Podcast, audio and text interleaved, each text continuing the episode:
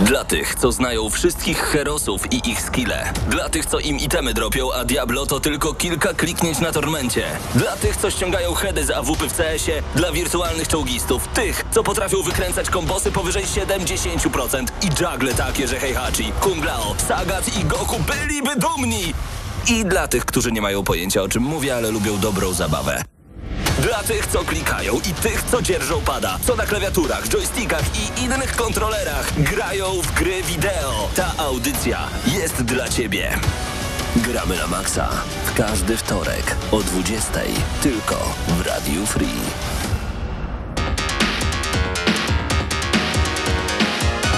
Właśnie takimi retro dźwiękami rozpoczynamy 730 już odcinek audycji Gramy na Maxa. Ja nazywam się Paweł Typiak i jest mi niezmiernie miło gościć w Twoim domu dzisiaj, by opowiedzieć troszeczkę więcej na temat gier wideo razem ze mną. Mateusz Zdanowicz, Eurogamer.pl. Dzień dobry. Dobry wieczór. A raczej tak. I Mateusz Widut.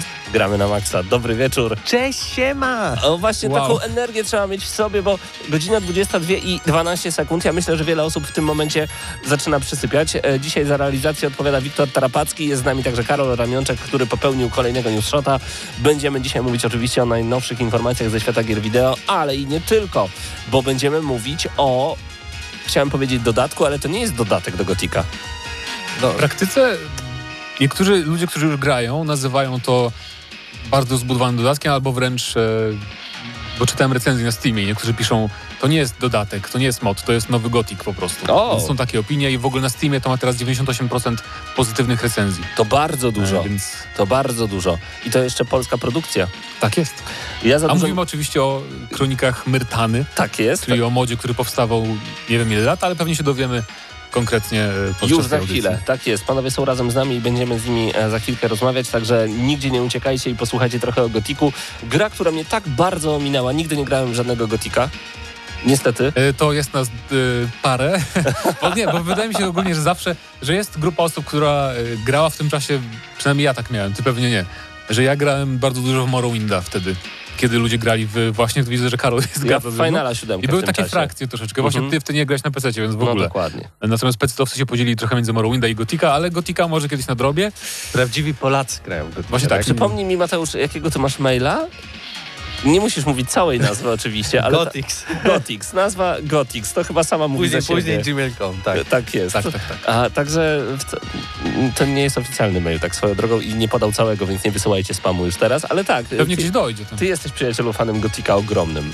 Tak jest. Yy, chyba z tym w ogóle się zaczęła jakaś taka większa miłość, zamiłowanie, może O, inaczej to, to, to naz nazwać do, do samych gier wideo, e, bo tak naprawdę Gotika to skończyłem, nie wiem, z 20 razy pierwszego, drugiego i trzeciego już dużo, dużo mniej, ale też po kilka razy udało się skończyć tę produkcję. Ale mimo wszystko, tak jak wylizałem każdy kąt, jak znam każdą teksturę, jak ile się kodów poznałem i nawet uczestniczyłem w robieniu modyfikacji do Gotika, Wow. więc y, tutaj też z chłopakami trochę sobie może o tym pogadamy. E, zresztą y, jest jeszcze jeden taki wielki mod, który wyszedł e, dawno, bo chyba Mroczne Tajemnice, to był taki wielki e, dodatek do pierwszego Gotika. E, zaczęli go robić chyba w 2006 roku, a skończyli w 2011, jak dobrze pamiętam. Tak Mhm. więc y, trochę im się zeszło, ale to też jest taki bardzo duży dodatek DLC. No nie wiem, wydaje mi się, że rozmiarowo podobnie jak No do tak, Kronik Mertany, tak. chociaż kroniki są jeszcze większe, ale też jeszcze chyba dłużej były Wydaje mi się, robione. plusem w przypadku tej gry jest to, że twórcy Pirania Bytes nie czepiają się, No bo, tak. bo nie sądzę, żeby do każdej gry ktoś mógł po prostu sobie stworzyć moda z dodatkiem, z fabułą i po prostu wprowadzić na Steama, chociaż czasem to działa, bo na przykład do gier Valve, e, Valve pozwala na takie rzeczy, ale nie wszystkie studia na to pozwalają, więc fajnie, że też jakby twórcy modów mają wolność. No i Pięknie. tutaj udostępnili wszystkie narzędzia Pirania Bytes. No tak. zarówno do Gotika pierwszego, drugiego i nawet do trzeciego. Tym bardziej nie mogę się doczekać tej rozmowy, więc wy także zostańcie koniecznie do końca z audycją Gramy na Maxa. W zeszłym tygodniu mieliśmy także The Game Awards, czyli takie Oscary związane z grami wideo. Przyznano statuetki, o nich trochę także opowiemy, ale przede wszystkim skupimy się na wyjątkowych tytułach, które zostały zapowiedziane właśnie w- na The Game Awards. Nie oglądałem y, samego The Game Awards, natomiast em, najpierw zobaczyłem komentarze i było mnóstwo malkontentów, którzy powiedzieli, e, nie warto było nocki zarywać, nic nie zapowiedzieli. A potem zobaczyłem trailery i stwierdziłem, ojej, jak ja żałuję, że nie byłem na żywo podczas prezentacji tych trailerów. Zapowiedziano dużo dobra moim zdaniem, ale ja generalnie jestem tym teletubisiem, który kocha wszystkich i jara się wszystkim, więc no. Ym, w tym tygodniu, gdyby ktoś zapytał, ale jeszcze nikt nie zadał tego pytania, grałem w Loop Hero na Switcha. Devolver Digital wysłali nam e, kod recenzencki. Dawno się tak nie jarałem tytułem żadnym. Przepraszam, Hadesem się ostatnio tak jarałem. Okej. E, choć ta gra mogłaby wyjść, w sensie Loop Hero, mogłoby wyjść na Pegasusa, bo tak naprawdę liczy się tutaj koncept tej gry, em, gdzie ludek chodzi sobie dookoła i automatycznie nawala potwory. Więcej w recenzji za tydzień. Mam nadzieję, że e, wyrobimy się do tego czasu. Ale słuchajcie, odpaliłem pierwszy raz, dwie i pół godziny mi zniknęły. Nic Od- dziwnego. Odpaliłem drugi raz i już jestem po 7 godzinach, znaczy dzisiaj już jestem pewnie po 12. Natomiast jak w to się dobrze gra? Odblokowałeś już nekromantę, czy jeszcze nie? Jeszcze nie. A. Ale będzie. O ja A czy, cię, jest, czy w tej wersji jest na przykład opcja przyspieszonej czasu? E, Tak, O, czyli czterokrotnie. wprowadzili, okej. Czterokrotnie. To fajnie, Bo bo strasznie powoli szedł na jak, jak początku. gra wychodziła na PC-cie yy, na początku roku, to trzeba było w plikach gry, gry tam grzebać i żeby było szybciej, ale Ale w ogóle ta gra, nie wiem, ona wyszła chyba tylko na Switcha i na PC do tej pory. To nie są potwierdzone informacje, tak mi się po prostu wydaje. Mhm. E, Na Switcha wyszła w zeszłym tygodniu. Natomiast ona idealnie by się nadawała na telefony komórkowe. To jest świetna gra i ona mobilna. powinna wygrać też albo ona, albo Inscription e, grę e, nagrodę za grę niezależną tego roku, a nie Kena. Tak jak A. wygrał na Game Awards, ale Ja myślę, że za bardzo chyba zwraca się jednak uwagę wciąż na, niestety, na grafikę. No tutaj grafika jest średnia, ale nie... nie jest bardzo ładna jak na ten styl. Okej, To tak. jest moim zdaniem e, Takie naprawdę w porządku. Children of Morta w wielu momentach, ale Tylko mroczniejsze to Tak, ale sam gameplay no to jest jednak naprawdę Atari. Ale o tym będziemy mówić już za Tak, tydzień, za także tydzień. y, już teraz ode mnie polecajka. Pierwsze wrażenie to jest 9,5 na 10. Myślę, że spadnie jeszcze ta ocena, ale kto wie, może mnie to jeszcze zaskoczy. Jak powiedziałeś Nekromanta, no, No to tam jest potem chyba jeszcze więcej klas. Ja, ja nie No grałem ja aż tyle, bo chyba jakieś tylko 30 godzin, więc słuchajcie, to- ja myślę, że nie ma co czekać. Już za chwilę e, będziemy łączyć się z ekipą, która stworzyła Kroniki Mertany. Jakub i Szymon są razem z nami. Zaraz się z nimi połączymy, więc nigdzie nie uciekajcie. Słuchajcie, gramy na maksa. Jeżeli znacie kogokolwiek, kto uwielbia Gotika, macie dosłownie chwilę na to, żeby w tym momencie zadzwonić do tej osoby, powiedzieć odpalaj, gramy na maksa na YouTubie. Tam można zobaczyć ekipę, tam można zobaczyć... Wiktor, będzie gameplay z Kronik Mertany? Będzie, będzie gameplay z Kronik Mertany, także e, będziecie mogli także zobaczyć nie tylko radio, ale także wersja wideo. Już za chwilę rozmowa z Jakubem e, Tomczakiem, a także z Szymonem Żakiem, którzy tworzyli to mm, wyjątkowy dodatek, e, mod nowego Gotika.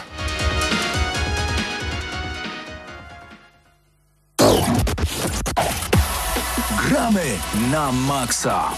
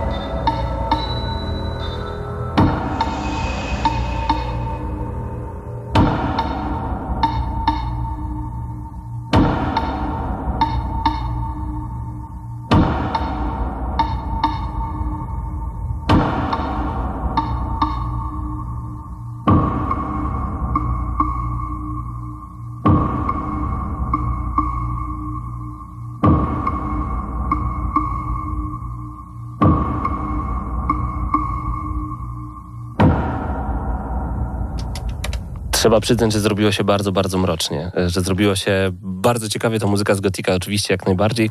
Mam nadzieję, że Szymon i Jakub już w tym momencie mnie słyszą. Jeżeli tak nie jest, to poczekajmy dosłownie jeszcze e, chwilę na, na chłopaków. E, już za chwilę będziemy mogli porozmawiać. Halo, halo Szymon, halo, halo Jakub.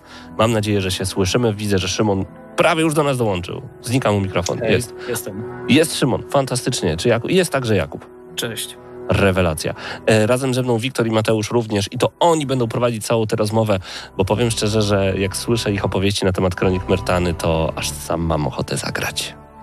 Y, Panowie, takie pierwsze pytanie, rozgrzewka. Jak się tworzy modyfikacja, jak się tworzy, można powiedzieć, już dodatek do gry, która bodaj ma już 20 lat. Y, Pierwszy Gothic to dwa, 2001 rok, drugi 2002, no więc tak powiedzmy y, na, na oko to minęło 20 lat. Czy jest w ogóle sens też tworzenia modyfikacji do tak starego po prostu tytułu? No, muszę przyznać, że to jest takie niesamowite doświadczenie, bo my jesteśmy ogromnymi fanami i zawsze lubiliśmy grać w Gotika. E, Z czasem zainteresowaliśmy się także game devem, tworzeniem gier, więc jakby naturalnym było dla nas e, spróbować stworzyć coś e, w tym uniwersum. I bardzo to było takie satysfakcjonujące, że możemy stworzyć coś nowego w naszym ulubionym e, świecie. Więc tak, jak najbardziej no, odczucia mamy pozytywne, szczególnie teraz po premierze, gdyż jak, e, jak widzieliście, recenzje są naprawdę fajne. Tam chyba Mateusz e, w swoim artykule na Eurogamerze e, wspominał. Em, No tak, e, no nie wiem co, co tak naprawdę powiedzieć na to wszystko. Jesteśmy bardzo zaskoczeni też, bo pomimo tego, że e, nam się ta gra podoba, no to odbiór graczy em, tak naprawdę jest niewiadomy aż do, aż do dnia zero, aż do dnia pierwszego po, po, po wydaniu. Może Jakub coś opowie jeszcze o jego odczuciach, bo on naprawdę był bardzo zaangażowany w ten projekt. Znaczy, mi się wydaje, że chyba najważniejsze w tworzeniu modyfikacji i powiedziałbym gier w ogóle jest słuchanie po prostu graczy i fanów. I mam wrażenie, że bardzo często aktualnie większe firmy o tym e, zapominają. My, mając e, do czynienia z grą, która już ma praktycznie 20 lat, mieliśmy masę po prostu tego feedbacku.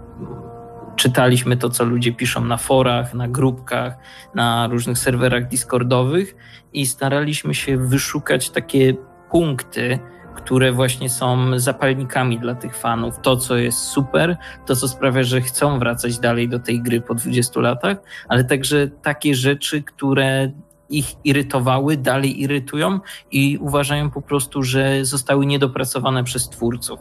I jakby proces tworzenia tej modyfikacji to było regularne szukanie tego, jak zrobić to samo, ale inaczej.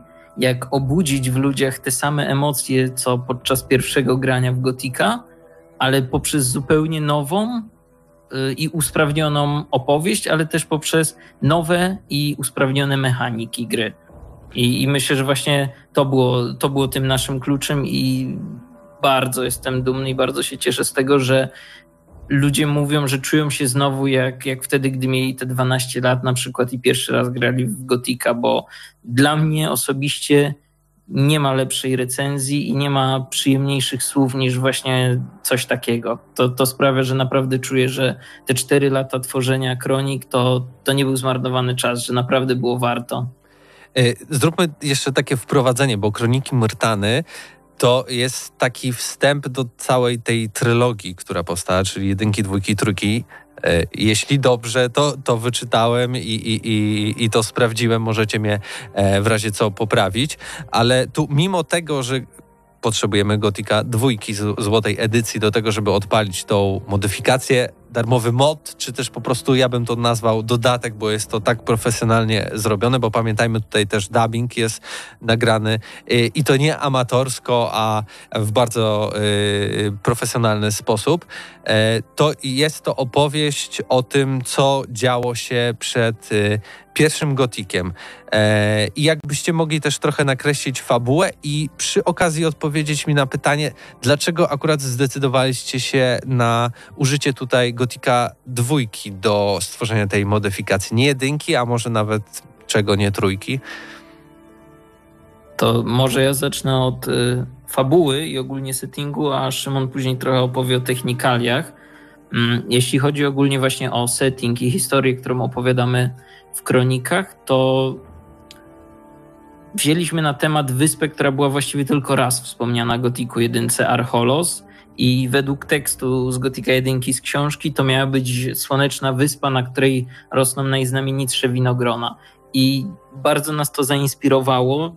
Było to coś zupełnie innego niż to, co do tej pory w świecie Gotika widzieliśmy. Raczej e, zarówno Korinis, pomijając oczywiście górniczą dolinę, jak i centrum Myrtany były takim typowym, e, trochę nijakim settingiem, gdzie, gdzie faktycznie mieliśmy wszystkie lasy podobne, jakieś zwyczajne farmy, no i do tego dostawaliśmy w kontraście na przykład Warant i Nordmar, które już były całkowicie inne.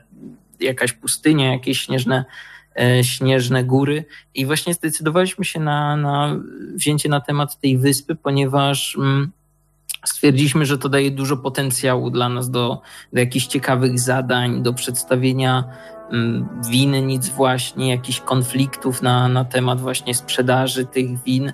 I tak to powoli rosło tak naprawdę. Jakby zastanawialiśmy się bardzo często, co by się mogło na takiej wyspie dziać, co tam jest najczęściej sprzedawane, czym ludzie handlują, o co mogą mieć jakieś własne konflikty.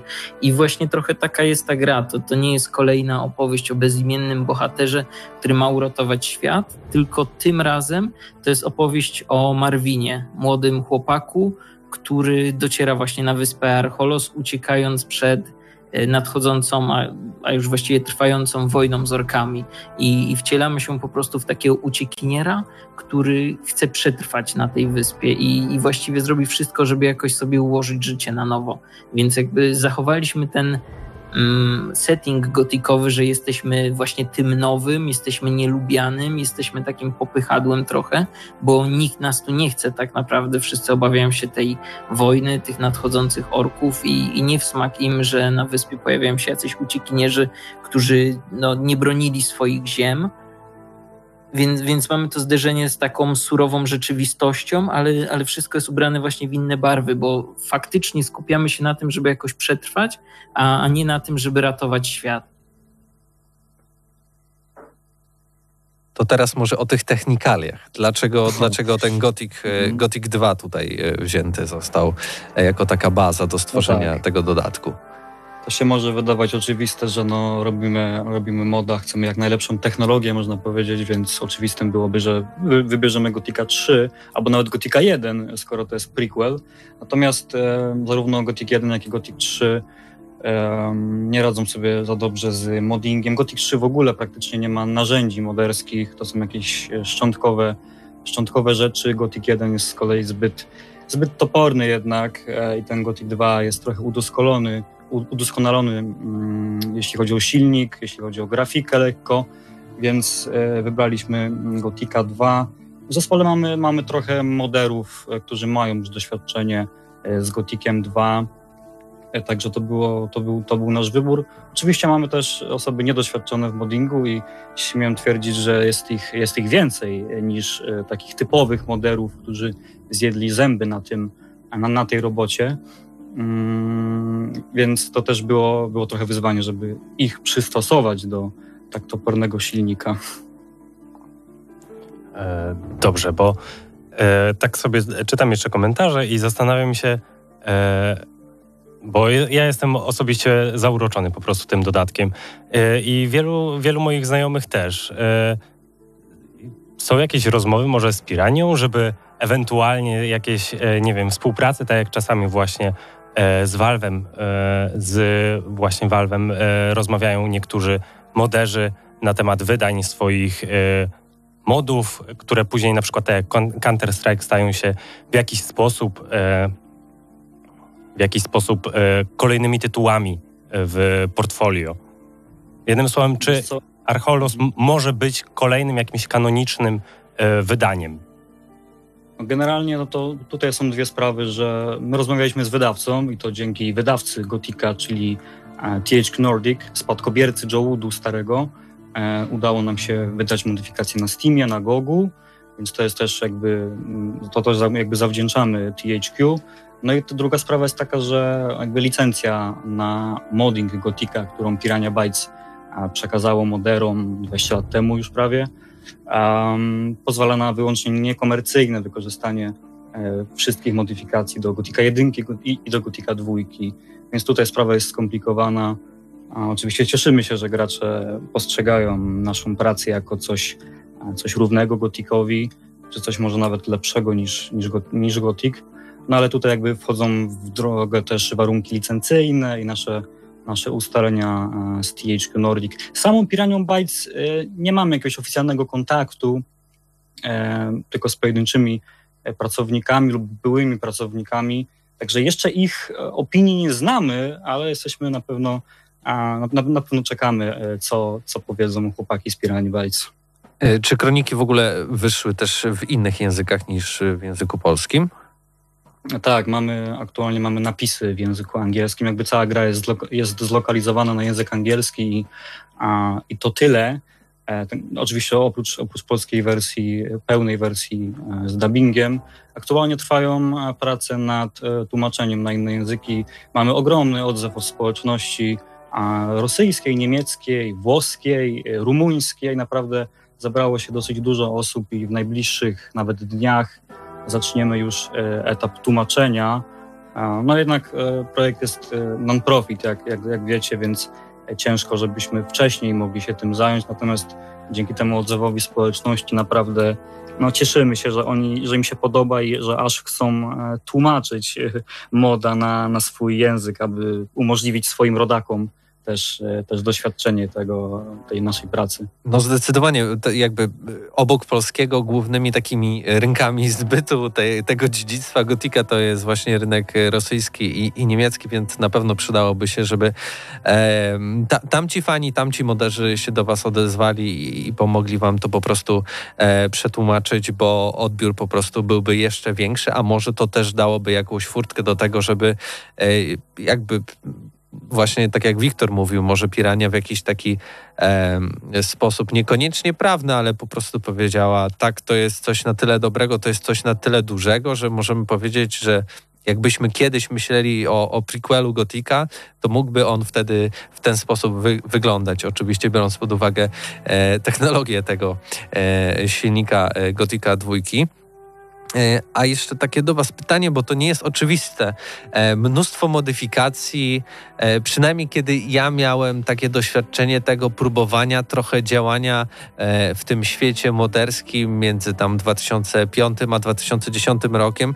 Trochę tych modyfikacji wychodziło, ale wszystkie jednak skupiały się między innymi na tym, żeby robić jakieś dodatki, może niekoniecznie całe światy, ale nikt za bardzo oprócz Tajemnic, które w dosyć amatorski sposób zostały zdubbingowane. Nikt nie myślał o tym, żeby dubbingować takie, takie dodatki. Tak? To jest ogromna praca, tym bardziej, że e, ja jeszcze do, dopiero zainstalowałem Kroniki Myrtany, więc nie wiem na ile godzin e, jest, e, jest to ten mod, ale no, wychwalicie się na oficjalnej wytrynie, że to jest 60 plus godzin rozgrywki.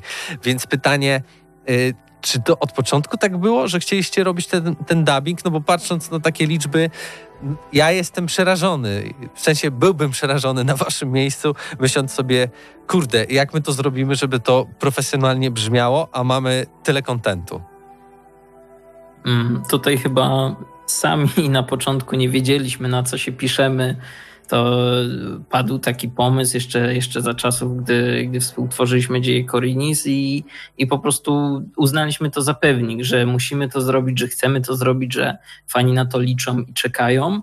I, I właściwie dopiero jak zabraliśmy się za ten dubbing, to, to zdaliśmy sobie sprawę, jak gigantycznym przedsięwzięciem będzie zrealizowanie tego wszystkiego. Mod, tak jak wspominałeś, jest na 60 godzin, nawet więcej. Podczas naszych fokus testów niektórzy testerzy nawet dobijali czasami do 90 kilku godzin, więc kontentu jest y, naprawdę sporo. Wszystkich linii dialogowych jest y, ponad 50 tysięcy w grze i, i wszystkie są właśnie w pełni udźwiękowione po polsku.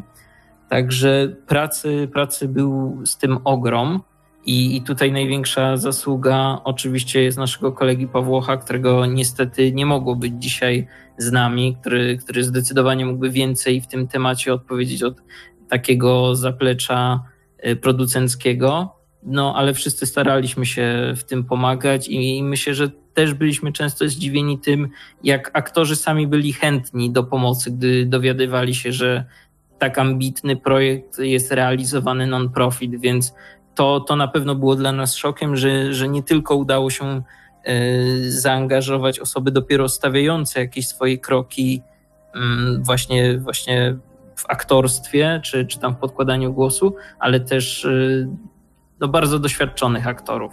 A wy sami dubbingowaliście? W sensie z waszej strony studia tam można znaleźć wasze głosy? Mm, właściwie to pojedyncze osoby z naszej ekipy, które już miały gdzieś tam jakieś doświadczenie właśnie w realizowaniu dubbingu albo, albo w nagrywaniu czegoś. Raczej staraliśmy się, żeby to naprawdę były osoby, które mają e, jakiś bagaż doświadczenia naprawdę większy. Na pewno plusem e, tych, tych pojedynczych osób z zespołu, które dubbingowały, było to, że były dostępne praktycznie 24 na dobę, więc na przykład jeśli się okazywało, że jakiś aktor miał w swoich plikach y, jakieś błędy, albo na przykład materiał był uszkodzony z przyczyn technicznych, y, no to, to właśnie była taka deska ratunkowa, żeby podmienić y, osobę dubbingującą daną postać. Więc to na pewno pomogło, ale staraliśmy się to ograniczać. I to widać. E, Kronikiem Myrtany Archolos. Czy tytuł może sugerować, że w najbliższej przyszłości, troszkę dalszej, e, zapoznamy się z jakimiś innymi kronikami Myrtany? Z jakichś innych wysp? Mm, no, początkowo były takie pomysły. Jak startowaliśmy 4 lata temu praktycznie z kronikami, to, to tak, właśnie dlatego, dlatego wybraliśmy taki tytuł, bo zarówno otwierał furtkę do tego, żeby zrobić jakąś serię, ale też, żeby opowiedzieć po prostu jedną konkretną historię. Na ten moment, jako zespół, nie planujemy kolejnych modyfikacji, żadnych e, dodatkowych odsłon ani nic takiego. Chcemy się na pewno skupić w najbliższych tygodniach na łataniu błędów, na poprawkach, na jakichś e, balansowych zmianach, tak żeby po prostu ten produkt sfinalizować, żeby naprawdę można było w niego spokojnie grać, nie martwić się, że jakieś zadanie się zablokuje. I, I, wiem, że dla wielu fanów Gotika to, to jest normalne, że, że ta gra czasami lubi się po prostu skraszować, albo że coś tam z save'em się dzieje, albo z zadaniem, no ale po prostu no, zależy nam na tym, żeby to było jednak na, na takim wyższym standardzie, jeśli chodzi o, o techniczne aspekty. Więc, więc to jest plan na najbliższy czas. Co będzie dalej? No na 100% nie wiem, ale na ten moment nie ma żadnych planów na kontynuację. Na pewno tutaj, drodzy słuchacze, yy, lepszej modyfikacji jakościowo obszernościowo nie znajdziecie e, zarówno do Gotika pierwszego, jak i do Gotika drugiego, czy nawet trzeciego.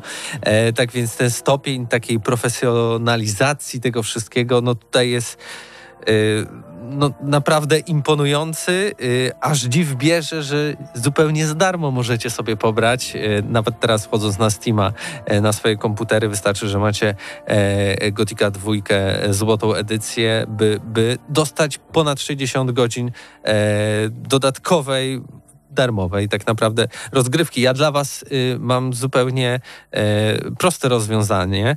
Y, jak uporacie się z tymi wszystkimi błędami, które tam może są, a może nie, tylko tak ze skromności mówicie.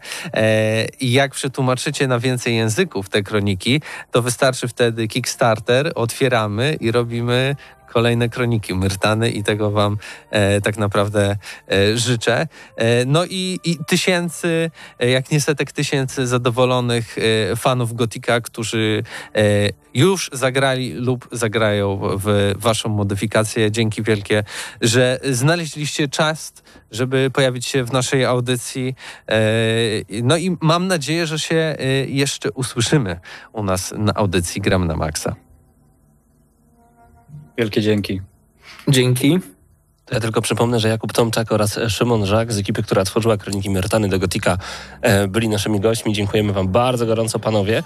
I ja jestem w ogromnym szoku z tego, co usłyszałem. Tak jeszcze tylko e, dodam od siebie, bo chcecie mi powiedzieć, że tam było 50 tysięcy linii dialogowych i wszystko zostało nagrane.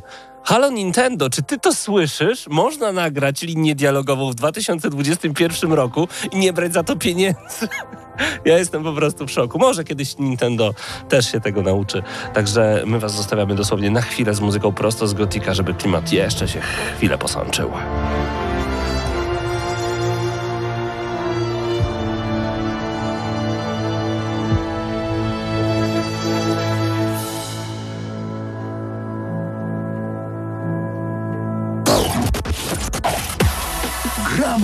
Na maksa.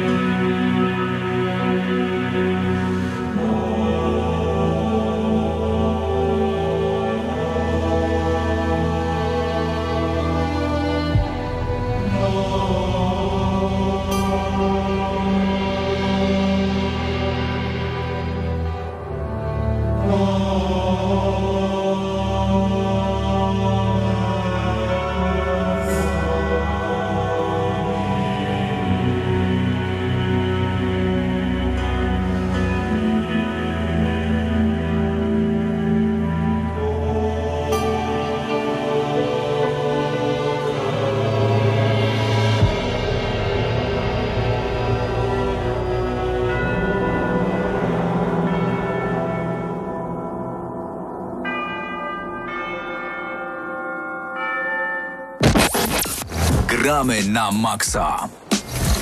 Ja wiem, że ciężko jest zostawić ten klimat gotika, naprawdę bardzo ciężko, bo u nas, uwierzcie mi, jest mnóstwo wielkich, wielkich fanów, ale uciekamy, uciekamy z tego klimatu, żeby przejść do troszeczkę nowocześniejszej rzeczywistości. Dołącza do nas Paweł Stachyra. Pawle, dobry wieczór. Witaj Pawle Typiaku, E, witam wy- wszystkich słuchaczy Będziemy po mówić dłuższej przerwie. Tak jest, o grach wideo nadal. U nas się nic nie zmieniło. Em, Pawle, The Game Awards to naprawdę ciekawe rozdanie, jeżeli chodzi o nagrody. O samych nagrodach teraz nie chcemy mówić, chcemy mówić o zapowiedziach, które zostały tam poczynione, a rzeczywiście było tego sporo. Zacznijmy od Space Marine 2 i moim zdaniem to jest chyba najważniejsza zapowiedź e, The Game Awards. To znaczy generalnie widownie takie mm, typowe nie powiedziałyby pewnie, że to jest najważniejsza, bo mieliśmy tytuły takie naprawdę duże, ale to jest na pewno jeden z tych tytułów, który najbardziej zaskoczył, Aha. bo tak naprawdę Space Marine to jest, taki, to jest taka perełka tam sprzed dekady. Tak, to jeszcze wychodziło na PS3, Xboxa 360, to jest stara gra. Dokładnie. I to była kultowa gra, gdzie e, fani Warhammera zawsze lubili, e, szczególnie tej 40, tak? e, Lubili tą grę za to, że ona była wśród tych niskobudżetowych tytułów, wydawała się takim wysokobudżetowym podejściem, wiesz, do tematu, co wtedy się nie zdarzało za bardzo. No i oczywiście po śmierci tej gry, w sensie kiedy już gdzieś tam minął czas wydania jej, no nikt się nie spodziewał, że nie wiem, 10 lat później ktoś wróci i nagle hej, Tak. Space Marine 2. To prawda. To jest fajne, to jest jedna z dwóch takich e, gier, które się dziwiłem, że nic nie wyciekło przed, e, jakby przed The Game Awards. Bo To to, i, racja. to i Wonder Woman, nie? To, to to racja, jest bo to ciekawe. jest naprawdę duży tytuł. Ja pamiętam, że niektórzy mówili, że Paweł, spodoba ci się, bo to jest jak Gearsy, kiedy był pierwszy Space Marine. E, Tylko z piłą, tylko to ci, co nie grali w Gearsy, No tak. nie wiedzieli chyba, że tam też jest piła. Natomiast rzeczywiście e, czekam bardzo na ten tytuł. Czy wiemy coś więcej, czy 2023? To znaczy dwa- 2022 chyba nawet. Aha, okej. I plus jest taki, że w przeciwieństwie do wielu innych zwiastunów, tutaj mieliśmy nawet kawałek gameplayu pod koniec. To Mhm. mnie bardzo ucieszyło, Tak, bo 7 zwykle- sekund dosłownie. 7 to sekund, zawsze ale, ale widzimy przede wszystkim efekty cząsteczkowe, większe mapy i Mhm. znacznie więcej przeciwników, co jest oczywiście wielkim plusem. Mam tylko nadzieję, że Cyber podoła też na poziomie powiedzmy fabularnym, bo oryginał miał dużo czaru też dlatego, że postaci poboczne, nasi przeciwnicy byli bardzo charyzmatyczni. Mieliśmy takiego orka, który na nas polował i po prostu miód się go słuchało. On miał takie tekściki, że to wiesz. I liczę, że gdzieś tam wśród tych tyranidów, którzy bardziej są tutaj przeciwnikami i oni głównie tam "Ła, ła, ła, chcemy Tak, was właśnie- zjeść. Aha. Znajdzie się ktoś, jakaś postać, może charyzmatyczna bardziej, Mnie to- kapłan czy ktoś. Może, ale mnie to trochę ciekawi, że oni wybrali to studio, Saber Interactive i oni robili taką gierkę World War Z. E, I to jest kooperacyjny shooter, gdzie tam e, chodzi o naparzanie do hordy przeciwników. I nie wiem trochę, czy nie zrobią czegoś podobnego tutaj. W sensie może też będzie koop i może też będzie horda wrogów po prostu Jasne. do naparzania. Ale warto zaznaczyć, że na pewno fabularnie będą jakoś tam cisnąć, bo widzimy No tak, to- naszego głównego bohatera, który powraca po kilkuset latach, patrząc na jego czoło. E, widzimy jakieś symbole, które są związane z końcówką pierwszej gry, także fabularnie jakby to ma dalej kontynuować Okej. tą historię, którą ludzie chcieli I usłyszeć. rzeczywiście ta końcówka gameplayu, która została zapowiedziana, tych 7 sekund, o których wspomnieliście wcześniej, to, to jest walka z hordą, to jest walka z dużą ilością przeciwników. No może być ciekawie. Panowie, kandydat na grę roku 2022. Ja wiem, że jeszcze się 2021 nie skończył. To Elden Ring. Eee, Jestem prawie przekonany, że będzie to kandydatem do goty i to przez wiele redakcji typowane. Znaczy, znaczy, to na pewno będzie, bo w ogóle śmieszna sprawa, Elden Ring wygrało drugi raz e, nagrodę za najbardziej, na, na, najbardziej oczekiwaną grę przyszłego roku, bo było raz opóźnione, więc jakby To tak jak, Cyberpunk Tak, wygrywał tak, przez tak. lata. Cyberpunk też tak miał. I e, Elden, Ring- Elden Ring jestem ciekaw, bo e, każda gra tego studia From kończy jako jeden z kandydatów Tak, do tytułu roku i oni nigdy nie wygrywają. Tylko Paweł, mnie to ciekawi, dlaczego ty wybrałeś akurat ten tytuł. Bo nie wyobrażałem sobie ciebie jako fana w ogóle. Nie, ja w ogóle nie jestem Souls-like'owy, więc wcale się nie dziwię, że to pytanie tutaj pada i cieszę się, że je zadałeś, e, dlatego, że to może będzie pierwszy Souls-like, w którego zagram. Tak jak, wiesz, w międzyczasie przekonałem się do e, roguelike'ów i zacząłem powoli kochać ten gatunek lub Hero nie mogę odłożyć, jak odpalam Hadesa, to żona wychodzi z domu i mówi, ja już Okej. pakuję walizki, bo nie wiem, czemu chcesz pokonywać tego Boga Śmierci po raz kolejny, zrobiłeś to 100 razy. Natomiast e, myślę, że to będzie pierwsza gra e, Souls-like'owa, w którą po prostu wsiąknę. Widziałem zapowiedzi, widziałem e, reakcję TV gry. E, Het jak opowiadał właśnie o tym, jak bardzo złamali konwencję Souls-like'ową, która była do tej pory. E, myślę, że to będzie to, że to będzie takie dark fantasy, w które będę chciał wsiąknąć i nie będę chciał z niego wyjść. No tak. Oby tylko jeszcze czas mi na to, To też- pozwolił. Może akurat jakiś lockdownik, te sprawy. Może. To też, to, też, to też będzie trochę łatwiejsza gra niż inne Soulsy, wydaje mi się, bo na przykład jest tu taki dodatek em, takich duchów, które możesz sobie przyzywać, na przykład stado wilków. Aha. Na przykład, wiesz, stado wilków, wilków bije bossa i ty zachodzisz go od tyłu, bo on się zajmuje twoimi duchami, nie? Więc tu wprowadzają takie rzeczy, które pozwolą troszeczkę... No albo jest ten wielki świat, nie? Że możesz po prostu sobie uciec Tak. od wielkiego smoka, zamiast, zamiast z nim walczyć. E, Więc no, ciekawa sprawa. Ja na pewno bardzo czekam. Te, taki klimacik The Legend of Zelda Breath of the Wild też mi się tutaj kłania i myślę, że no to będzie dopracowana gra. Liczę na to. Mam nadzieję, że tak będzie, bo niestety jesteśmy przyzwyczajeni, że deweloperzy wydają gry, które nie są dopracowane, ale From Software, przypomnijcie mi, czy mieli oni jakieś problemy na premierę swoich gier? Tylko PC-towych wersji, Okej. a to nie, niekoniecznie też... Znaczy... Jak wrócimy do Dark Souls pierwszego na Xboxie, na przykład jak działało, nie? Czy na, PS, na PS3 to nie I wyszło. pierwsze porty tych gier na PC to. No właśnie, ale... Ale to też nie była do końca ich wina, jakby tutaj to było chyba zewnętrzne studio, które się tym Tak, zajmowało. no. Także E, kolejna gra, która moim zdaniem jest warta oczekiwania, to gra, która będzie wydana na silniku Unreal Engine 5, e, czyli Hellblade 2 Senua's Saga. E, słuchajcie, ja do tej pory nie wierzę, że tam jest gameplay. Bo, to jest taki gameplay trochę jak to demo Matrixa, tak?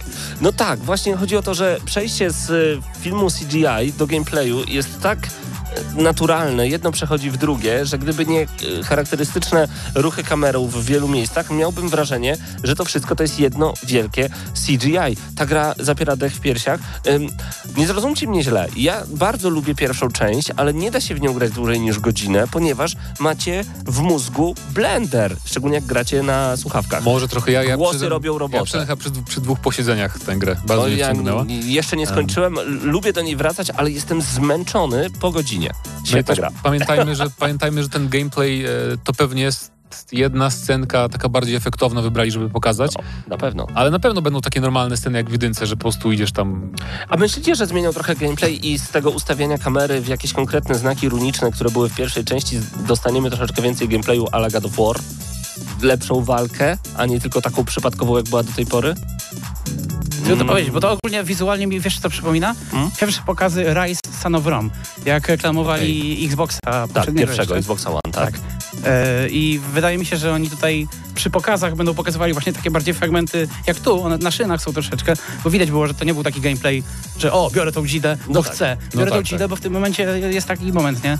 Natomiast yy, wydaje mi się, że tam te, te fragmenty takie bardziej płynne i rozgrywki zostawią już dla graczy. No właśnie, ja tylko mam nadzieję też, że pamiętajmy, pierwsza część tak naprawdę to, to nie była duża gra, mam wrażenie. E, ona była bardzo ograniczona w wielu elementach. Mam nadzieję, że ta będzie nie tyle, że z otwartym światem, tego sobie jak najbardziej nie życzę, ale chciałbym, żeby, żeby było więcej gry w grze. Naprawdę to byłoby e, super. No a panowie, a co powiecie o nowym dziele twórców, e, między innymi Beyond Two Souls i e, Detroit Become Human? Mam na myśli nowe Gwiezdne Wojny. To było tak, że jak ja zobaczyłem ten trailer, powiedziałem, a, Gwiezdne Wojny, spoko. A potem zobaczyłem Quantic Dream i powiedziałem, Okej, aż tak? Nie tak, wiem, ja- tak, bo ja ufam temu studiu. W sensie, on, Czy Każda igra ci się podobała? tak. Okej. Nie, nie to to, że jesteś jest- jedną z niewielu osób. Ale to bo- nie jest tak, że to jest 10 na 10, są tam u nich e, gry, które mają 7 na 10, ale uważam, że są to tak wyjątkowe przeżycia, unique experience, cytując Mhm. każde słowo ze trzy, że to będzie to, Na pewno nadzieję. wiadomo, czego się można w miarę spodziewać, jeżeli Tak. chodzi o, o tą grę. No nie będzie to gra akcji, Mhm. to pewnie będzie taka znowu narracyjna giereczka. Przy czym e, akurat tutaj to najbardziej mnie rozbawiło przy, przy samym e, ogłoszeniu tej gry, że tuż przed zwiastunem była ta, był ten komunikat o tym, że The Game Awards e, nie wspiera tam A, tak, e, tak, e, prześladowania w miejscach pracy i tak dalej. Generalnie odnosili się do afery w Activision Blizzard. Tak jest. A zaraz potem pokazali grę Davida Cage'a, który e, w tym roku też miał bardzo dużo oskarżeń w tej kwestii. Tak. I, No ale napisali, że nie wspierają, to nie wspierają. tak, to jest, e, to jest ogólnie komedia. Natomiast jeżeli chodzi o samą grę, no to wiadomo, nic nie zobaczyliśmy. E, ale tak jak mówisz, jakby to jest studio konkretne, które, po którym możemy się konkretnych rzeczy spodziewać. Mhm. I e, to, na co mam tutaj nadzieję, to że oni właśnie wezmą dużo takiego, tego co w zwiastunie jest takiego dziwnego lore, jeżeli chodzi o Gwiezdne Wojny, bo to wygląda trochę dziwnie, nie? E, jakby sceny jak, bardziej jak z Dune, czy To prawda. Tak, znaczy te, te, ci tacy walący w takie bębny, Tak. to to wygląda tak, dziwnie, ale są też ujęcia Jedi, wiadomo, tam jakichś stateczków, więc to, to wszystko gdzieś tam jakoś zmieszają tak, że e, dzięki swojej konwencji, która jest dosyć prosta, będą mogli pokazać tak, taką część tego świata, która jest gdzieś tam nieeksplorowana wcześniej. To byłoby To naprawdę, to byłoby naprawdę super. E, wybrałem dodatek. Dodatek, który może być Do nieoczywisty. Do Cupheada. zgadłem. To widziałem. jest gra, która e, była bardzo długo tworzona, która była bardzo długo zapowiadana. Były już nawet momenty, że ja się zastanawiałem, czy ona już wyszła i my po prostu w nią nie graliśmy. Kiedy wyszła, e, była czymś zupełnie innym niż się spodziewałem, bo ja często tak mam, że na przykład widzę trailer i ja wiem już, że zagram taką grę i nie będę już nic śledził więcej, żeby nie psuć sobie zabawy. Ale kiedy nagle się okazało, że Cuphead to jest hardkorowa retro gra, e, która polega na pokonywaniu bossów, a nie jest to po prostu zwykła, piękna platformówka, byłem zakochany totalnie, totalnie. A teraz wychodzi w czerwcu dopiero 2022 roku, wychodzi e, dodatek totalnie w stylu Cupheada, czyli totalnie w stylu e, dawnego Disneya i powiem wam szczerze, to jest coś, na co bardzo czekam. No tak, jak chyba wszyscy fani oryginału. Ten dodatek Mhm. też powstawał chyba z dwa lata. On miał wychodzić dwa lata temu, chyba pierwszy raz w 2020 jeszcze, więc e, no, troszeczkę powstaje, ale to znaczy, że będzie dużo, dużo kontentu. E, oby. I piosenka, która przy tym była, to była jedna z nielicznych, którą chciało mi się słuchać O. na The Game Awards. Naprawdę fajną tą złożyli. To prawda, to prawda. Także Cuphead był, był dla mnie w ogóle takim, takim zaskoczeniem. Nie wiem, czy w ogóle jakiekolwiek informacje e, wcześniej były na temat tego dodatku. Kojarzycie coś? Były, tak, Były. były, były. Pokazywano też jakieś screeny właśnie, że to będzie to nowa, nowa bohaterka, filiżanka, Mhm. e, także I ich No. troje będzie śpiewać piosenkę Koleżanka Filiżanka. tak będzie. To bę- było, to nie kupuję. będzie. E, wiem, że ty Mateuszu wybrałeś gameplay Suicide Squad. E, ja ci się trochę nie dziwię. Znaczy nie, ja, a to my mieliśmy wybrać to, co nam się podoba? Nie, to co to najbardziej nie lubisz, żebyśmy mogli to zaprezentować A, nie, na nie, bo tak myślałem, co, co, co, co dużego wybrać, nie? Bo tak naprawdę jak Aha. zobaczyłem ten gameplay z Suicide Squad, no to, Okej. to wygląda na y, porządną grę, ale to nie będzie nic takiego wow, nie? Bo to jednak To jest... nie będą kolejni Guardiansi? Nie, to od razu, Nie- od razu nie- widać, że nie. To będzie otwarty świat, masz otwarte miasto i będziesz w kooperacji naparzać potworki. A, czyli, czyli tak jak ja myślałem, że Guardiansi będą i stwierdziłem, że w Guardiansów na pewno nie zagram, a się okazało, że Guardiansi to zupełnie coś innego. I to trochę tak, powiem ci szczerze, że e, zaprzecza jakby idei Suicide Squadu, bo Suicide Squad to powinna być gierka o tym, że masz mnóstwo bohaterów i oni wszyscy mogą zginąć, a to mi wygląda właśnie na taką koopkę, gdzie będzie konkretne grono, które jest nietykalne praktycznie, No tak, ze no strony fabularnej też. No nie wiem jak to, jak oni chcą to wpasować w konwencję, oni po prostu chcą zrobić zabawny koop z superbohaterami. Tak. Fajnie by było, gdyby wykorzystali tą opcję, co była, nie wiem czy pamiętacie taką grę na Wii U, Zombie U. Ona potem wyszła też w iteracjach na PS4 i e, Xboxa One. E, I tam jak ginąłeś, to stawałeś się zombie i mogłeś jako nowy bohater spotkać siebie i zabrać Tak. rzeczy Nie, no to tu nie będzie takich No ja rzeczy. rozumiem, że tu nie możesz być zombie, ale gdybyś mógł zginąć i na przykład odnaleźć potem to miejsce i odebrać jakieś... No suicide w końcu. Ale to by wymagało, nazwa. żeby to było właśnie, żeby to byli Guardiansi, tak? Czyli No tak. singlowa historia, bo podejrzewam, że w koopie ciężko byłoby odstawić coś takiego. No to też prawda. Dodam tylko jeszcze, że na plusie poruszaliście prawdopodobnie jeszcze e, tematy, E, mówiliśmy o Lanie Wake'u, e, mówiliśmy o Wonder Woman troszeczkę właśnie. więc o tym nie powiemy teraz nic, żebyście jutro włączyli sobie GNM Plusa i posłuchali, Tak co Mateusze mają do powiedzenia. Tak jest. I tam też się oburzałem, że Psychonauts 2 nic nie wygrało. Żadnej nagrody. Wcale ci się nie dziwię. E, o nagrodach też e, jeszcze za chwilę. Alan Wake 2 został zapowiedziany i ja tutaj robię kropkę. Wysłuchajcie jutro GNM Plus.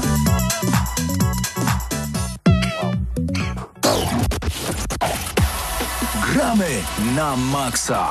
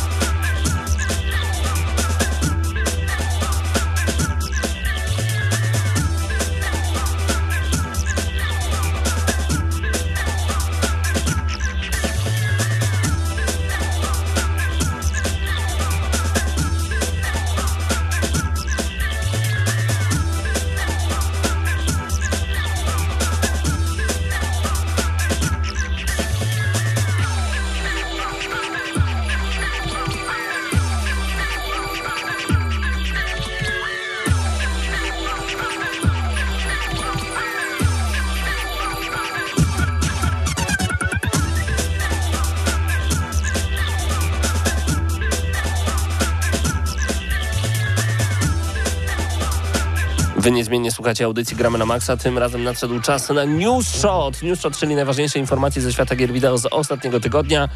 Karol razem z nami. Dobry wieczór, Karolu. Dobry wieczór. Co tam się dzieje teraz na świecie? Opowiada, jeżeli chodzi o gry wideo. Co tam się dzieje? The Wolf Among Us 2 wciąż w produkcji. Jej. Co się szczerze mówiąc bardzo zaskoczyłem, bo ja na przykład jestem wielkim fanem i strasznie czekam od bardzo, Mhm. bardzo dawna. Które tak w ramach żarciku, jak z symbolicznego grobu została niedawno odgrzebana Maria Carey w celu odśpiewywania All I Want For Christmas w, całych, w centrach handlowych po 20 razy dziennie. Takim my bierzemy się za łopatę. Odkupujemy dziś, wydawałoby się, zapomnianą markę The Wolf Among Us od studia Telltale. Oryginalna premiera pierwszej i jak do tej pory jedynej części tego dobrze ocenianego, świetnego klimatycznie kryminału osadzonego w komiksowym uniwersum Fables miała miejsce w październiku 2013 roku. Od tej pory fani czekają na sequel, którego historia jest dosyć burzliwa. Zmiany silnika, plotki o anulowaniu projektu, otarcie się studia Telltale o bankructwo, standardowe cechy piekła deweloperskiego. Na szczęście cierpliwość fanów zostanie wkrótce, choć trochę wynagrodzona.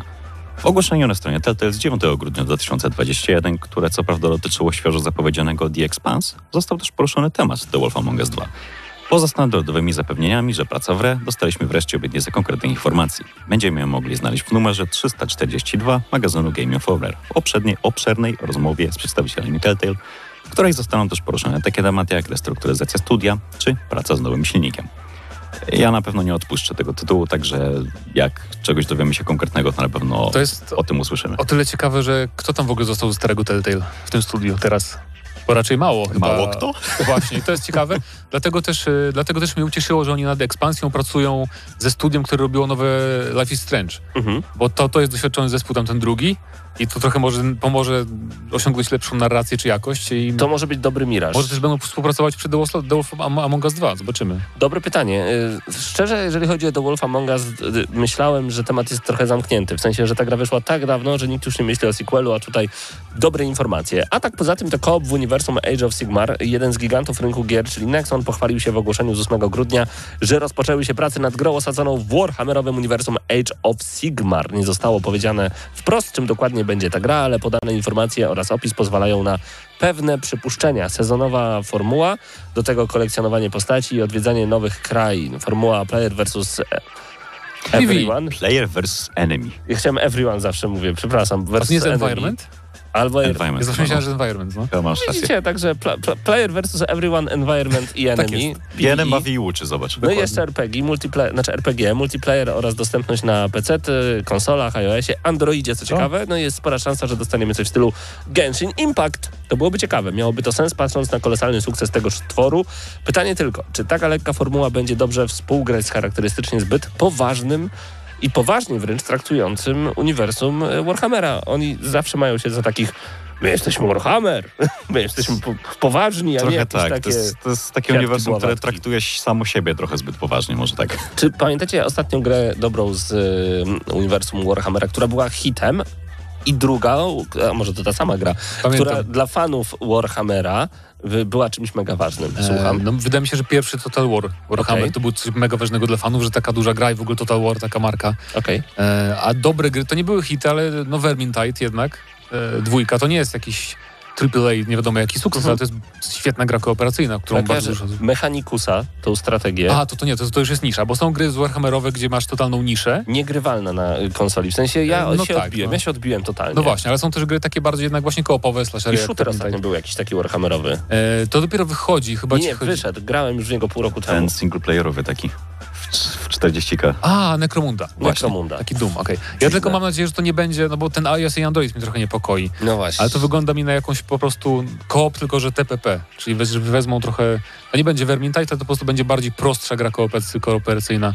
Android To- i iOS kojarzy się oczywiście z grami mobilnymi. E, No a co byście powiedzieli na gry mobilne na PC? I nie mówimy złośliwie o kiepskich, robionych na kolanie i sprzedawanych za pełną cenę portach. W ogłoszeniu dla portalu The Verge przedstawiciel Google Play ogłosił, że w produkcji jest aplikacja, która umożliwi graczom z większych platform odpalać gry obecne na ich telefonach.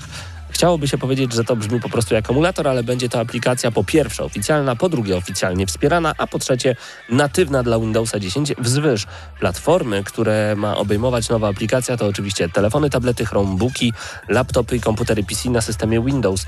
Do ciekawych informacji należy też to, że gry nie będą streamowane, tylko uruchamiane lokalnie oraz aplikacja zaoferuje cross-platformową progresję.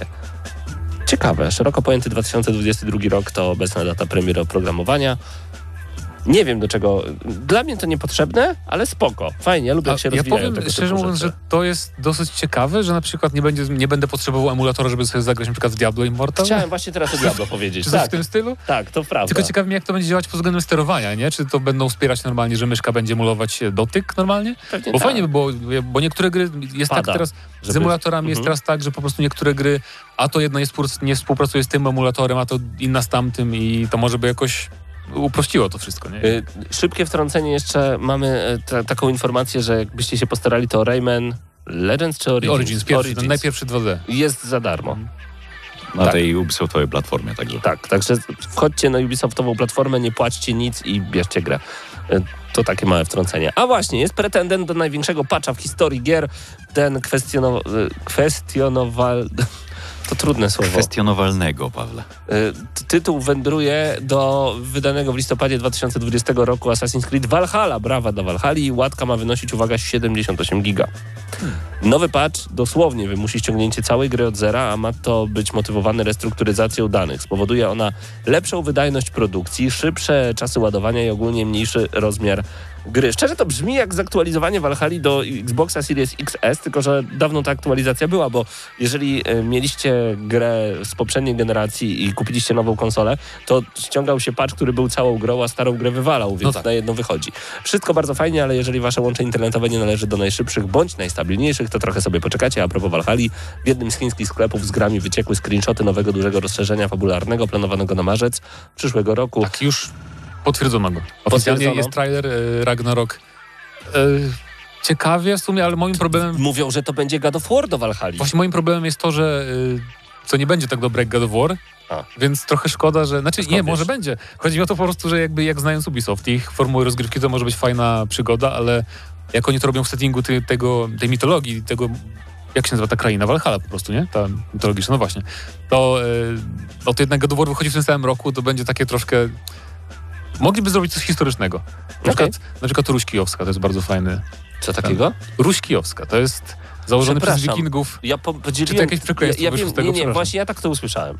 Ups. Ruś Kijowska, wiem co to jest. E, nowa strzelba od Kalasznikow koncern rodem z gier, panie i panowie. Tytuł trochę ironiczny, ale o tym zaraz. Najpierw pochylmy się nad bronią, bo jest ponoć śliczna. MP155 Ultima, bo tak nazwany został prototyp strzelby. Mierzy około metra, lufa 50 cm, mieści 6 kartridży 12 na 76 plus jeden w komorze. Nie wiem o czym czytam. Dzięki Karol. Waży lekko ponad 4 kg, a jej design łączy w sobie futurystyczne kształty z klasyczną rosyjską praktycznością, a polimerowa obudowa poza samą strzelbą oczywiście mieści w sobie komputer pokładowy, niewielki monitor, kompas, czasomierz i stoper cyfrowy, licznik amunicji, małą kamerę umieszczoną nad lufą oraz oferuje łączność Wi-Fi i USB.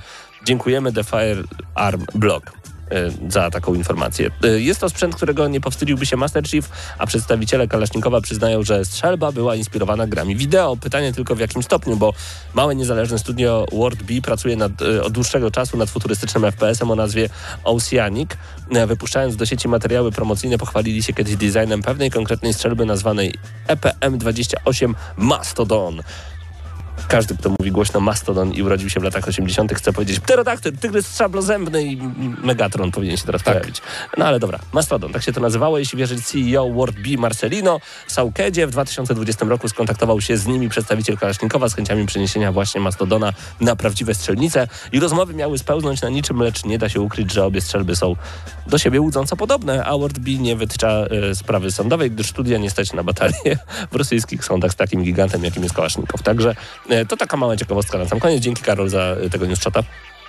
Kurde, ale ta, ta broń wygląda w ogóle jak ten. Ma, ma taki smart ekranik i analog, bo widziałem obra- obrazki. Aha. Dosyć, e, Ciekawy. dosyć interesujący. Tak jest. To był news shot y, w Radiu Free w Gramy na Maxa, a już teraz przechodzimy do Matrixa, ale wcześniej opowiem wam jeszcze szybciutko o The Game Awards. Gramy na maksa.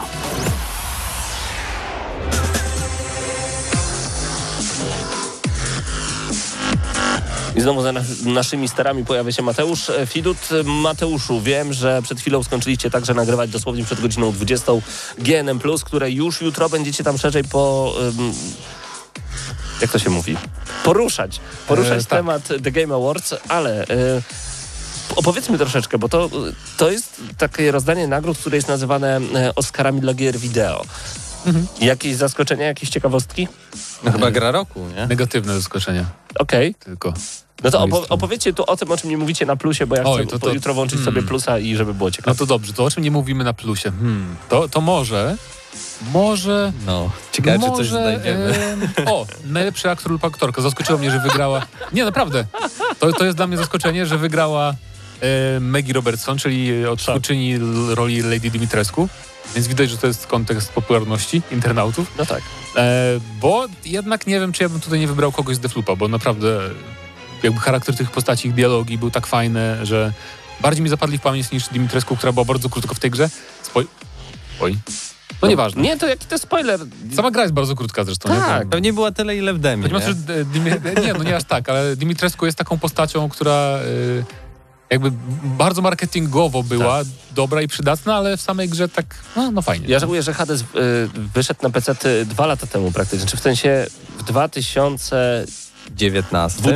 20, bo teraz mam 21, bo na konsolę wyszedł w 2021. Teoretycznie w 2018 w grudniu wyszedł najpierwsza wersja Early Access O Hadesa. kurka, to nawet Games tego nie wiedziałem.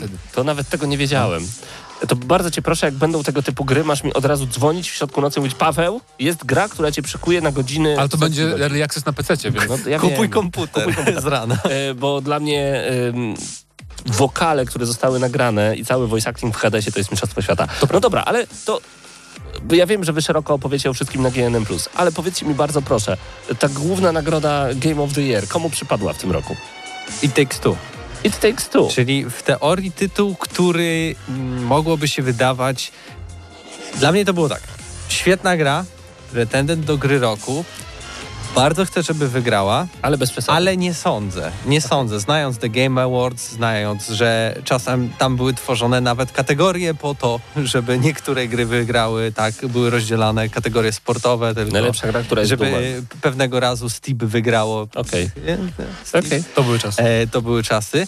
A tu zaskoczenie, czy to naprawdę wchodzimy w tę erę profesjonalizmu, że nagle faktycznie super gry dostają najważniejsze nagrody? Ale to też była taki- bardzo wyrównana trochę z- kategoria w tej moim zdaniem gry roku. To było bardzo wyrównane, bo tam był Deathloop, Psychonauts 2, Resident może nie zasługiwał na nominację, ale no nie mieli innych gier widocznie. Okej. E, Metroid też zasługiwał jak najbardziej moim zdaniem w Oczywiście, porównaniu że do tak. tych innych gier, które tam są, nie? Tak. Ratchet Clank też, więc tak naprawdę nic by mnie to nie zdziwiło, poza Residentem. Ja się cieszę, bo zmieniają się czasy, mam wrażenie. E, nie chcę tutaj nikomu zasługi konkretnej dawać temu, ale widzę, że gracze zauważają coraz częściej, że dobrą grą nie jest tylko singleplayerowy, trzecioosobowy Wysokobudżetowy, tak, Yy, filmowy, coś tam. gameplay.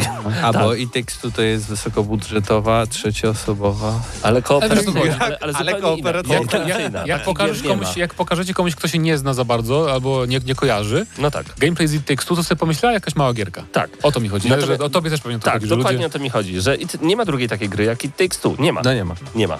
E, Natomiast wszystkie, o których e, miałem w głowie wcześniej, to chodzi mi o wszystkie ekskluzywy od Sony po prostu. E, I gracze powoli zauważają, że rzeczywiście... Też raczej ten Clank akurat jest najbardziej wyróżniającym się eksem. To, to racja, to masz rację. Nie chcę być uszczypliwy trochę, tylko jestem z natury tutaj. Natomiast rzeczywiście, gracze zauważają, mam wrażenie, że tutaj przy tych nagrodach też powoli coś się zmienia. Nic więcej wam nie powiemy. Jutro wjeżdża GNM+. Plus o której godzinie? O 18, O o 18. 15. No. Zobaczymy, jak, jak wyjdzie. Ale tam też oprócz tego, że opowiadamy o właśnie k- kategoriach, o grach, które wygrały w danych e, tych kategoriach, to też mówimy o trzech grach e, zapowiedzianych. Tak, to już e, przy okazji których- wcześniej Aha, e, to już mówiliśmy. mówiłeś, tak. mówiłeś, okej. E, No i oczywiście cieszą mnie dwie nagrody dla Finala 14, także szaleństwo. No i bardzo, bardzo dobrze, że się w ogóle pojawiły. Yy, w ogóle, panowie, więcej jutro w GNM+, a my już teraz przechodzimy do czegoś, co, co tak naprawdę powinno być chyba tematem numer jeden czasami. Niech to będzie ten Matrix.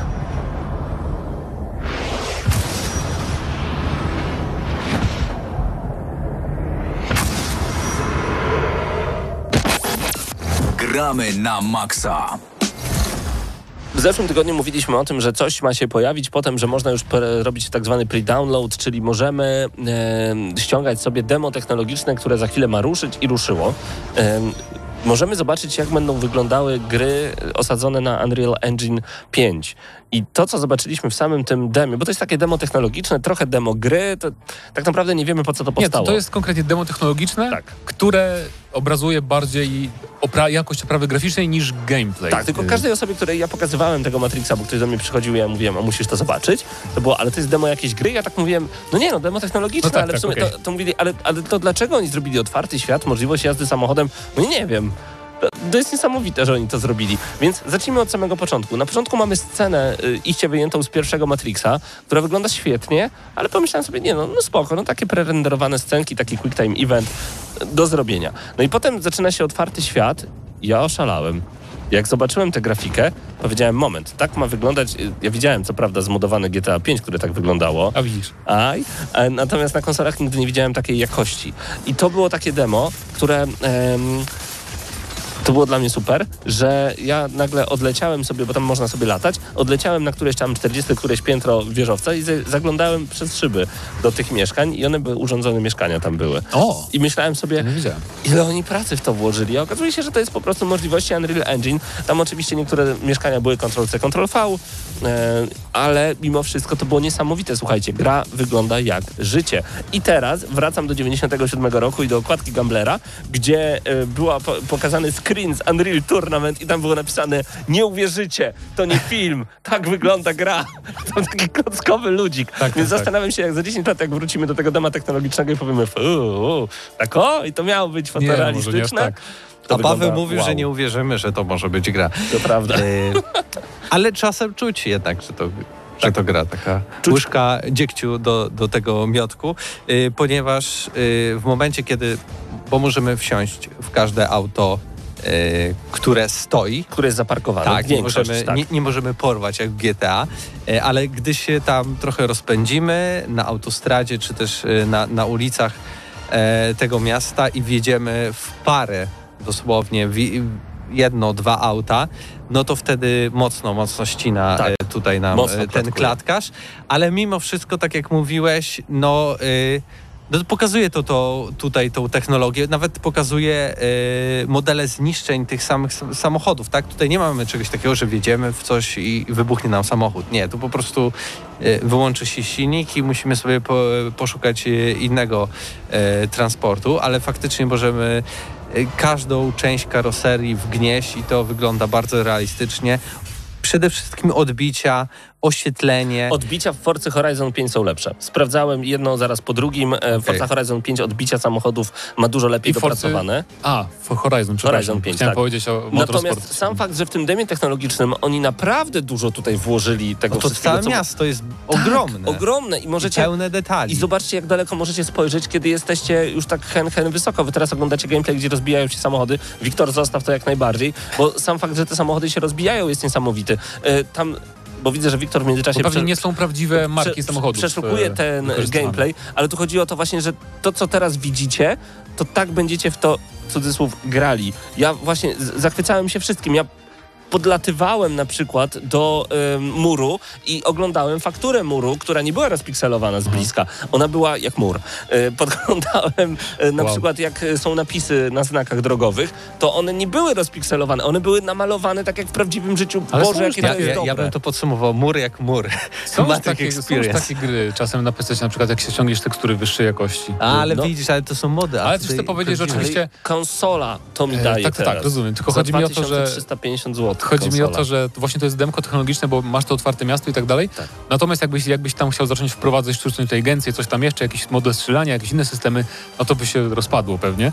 Natomiast, więc nie sądzę, że takie gry otrzymamy w ciągu najbliższych e, paru lat. Ale e, ja open teraz- worldy tak wyglądające. Może liniowe gry tak, Ale... ja miałem wrażenie, że do tej pory jadłem codziennie mortadelę, która nazywa się 4K 60 klatek. Paweł, to jest maks, który dostaniesz. A ja teraz zobaczyłem, że po drugiej stronie ulicy jest restauracja, w której dają małże świętego Jakuba. Ja teraz tego oczekuję od nowej generacji. 4K ta mortadela to ma być podstawa. Już nawet nie chcę tego jeść. Ja chcę, te, ja chcę to. Ja, Tak będzie. daj mi to. Ale wniosek można też taki wyciągnąć, że ym, okej, tu mamy to duże miasto, ale gdy to stłamsimy w jakiś taki mniejszy korytarz, jeśli zrobimy z tego liniową grę, To będzie to, piękne. to widzimy, jak będzie wyglądać kolejny Ojej. Uncharted. Tak, Będzie wyglądać nieziemsko. Spider-Man. Tak jak właśnie Gearsy. ten Matrix. Gearsy. Gearsy już wyglądają. No tak, to prawda. A w ogóle No, już wyglądają. Po co nowe po konsole? co lepiej? Po co lepiej? Dokładnie. lepiej. Także nowy Matrix to jest rzecz, o której warto mówić i którą powinniście koniecznie zobaczyć, bo to jest Za darmo. za darmo. Tak, Nie mówimy oczywiście o filmie, który będzie w kinach tak, płatnym. tak. Mówimy tutaj o grze, o tym demku technologicznym, które możecie teraz już w tym momencie nawet pobrać. E, Musicie to zobaczyć, po prostu. I możecie to zrobić i na doświadczyć. PS5, i na Xboxie Series X. X. Tak. S Jest też? też chyba. Nie, Nie chyba. wiem, ja grałem, grałem na PlayStation. Wy- Nie wydaje mi się, że Xbox rozróżnia te S i X? Jak chcesz ściągać grę? Chyba nie. Nie, nie, nie, na Series S pewnie to działa. Pewnie jak tak. najbardziej. To już musicie To sobie sami sprawdź sprawdzić. ciekawości. No dobrze. Będziemy sprawdzać z ciekawości, jak to. E, Do usłyszenia za tydzień. To było Gramy na Maxa. Troszkę za dużo gadamy, ale dzieje się ostatnio w grach wideo bardzo, bardzo dużo. Miło nam bardzo, że jesteście razem z nami. Miło nam, że jesteście tutaj na live. Przepraszamy, że dzisiaj na tego live'a też tak za bardzo nie spoglądaliśmy i nie odpowiadaliśmy na wasze pytania. E, Mieliśmy po prostu tak duże zamieszanie tutaj w studiu. Jesteśmy cały czas w nowym miejscu, więc dużo rzeczy jest do ogarniania, ale będziemy z wami także jak najbardziej za tydzień. Próbujemy przygotować także podsumowanie roku 2021, ale jak normalni ludzie, a nie już w grudniu, tylko żeby to jakoś tak w styczniu się pojawiło, żeby ten rok się skończył naprawdę tak jak kalendarz majów Tak jest. pokazuje. To majowie stworzyli ten kalendarz? Chyba. Może i tak. Y, W każdym razie zapraszamy Was bardzo gorąco do nas na kanał na YouTubie. Tam pojawia się naprawdę mnóstwo filmów, także dbamy o to, żebyście mieli cały czas świeży content. Jutro GNM+, później news shoty, później wszystko. To było Gramy na Maxa. Ja nazywam się Paweł Typiak, a razem ze- mną dzisiaj byli Mateusz Zanowicz, Mateusz Widut, Karol Ramionczek, Wiktor Tarapacki, Paweł Stachyra, a także ekipa, która tworzyła kroniki Mertany do Gotika. Więc jeżeli coś Was ominęło, zaglądajcie na YouTube. Za chwilę będzie więcej.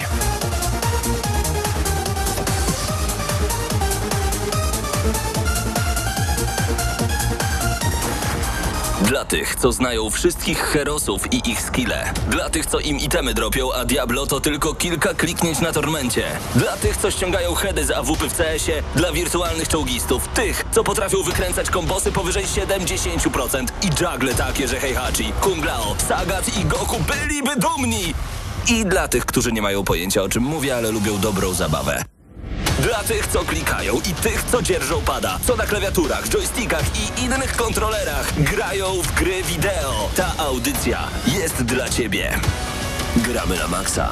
W każdy wtorek o 20.00 tylko w Radiu Free.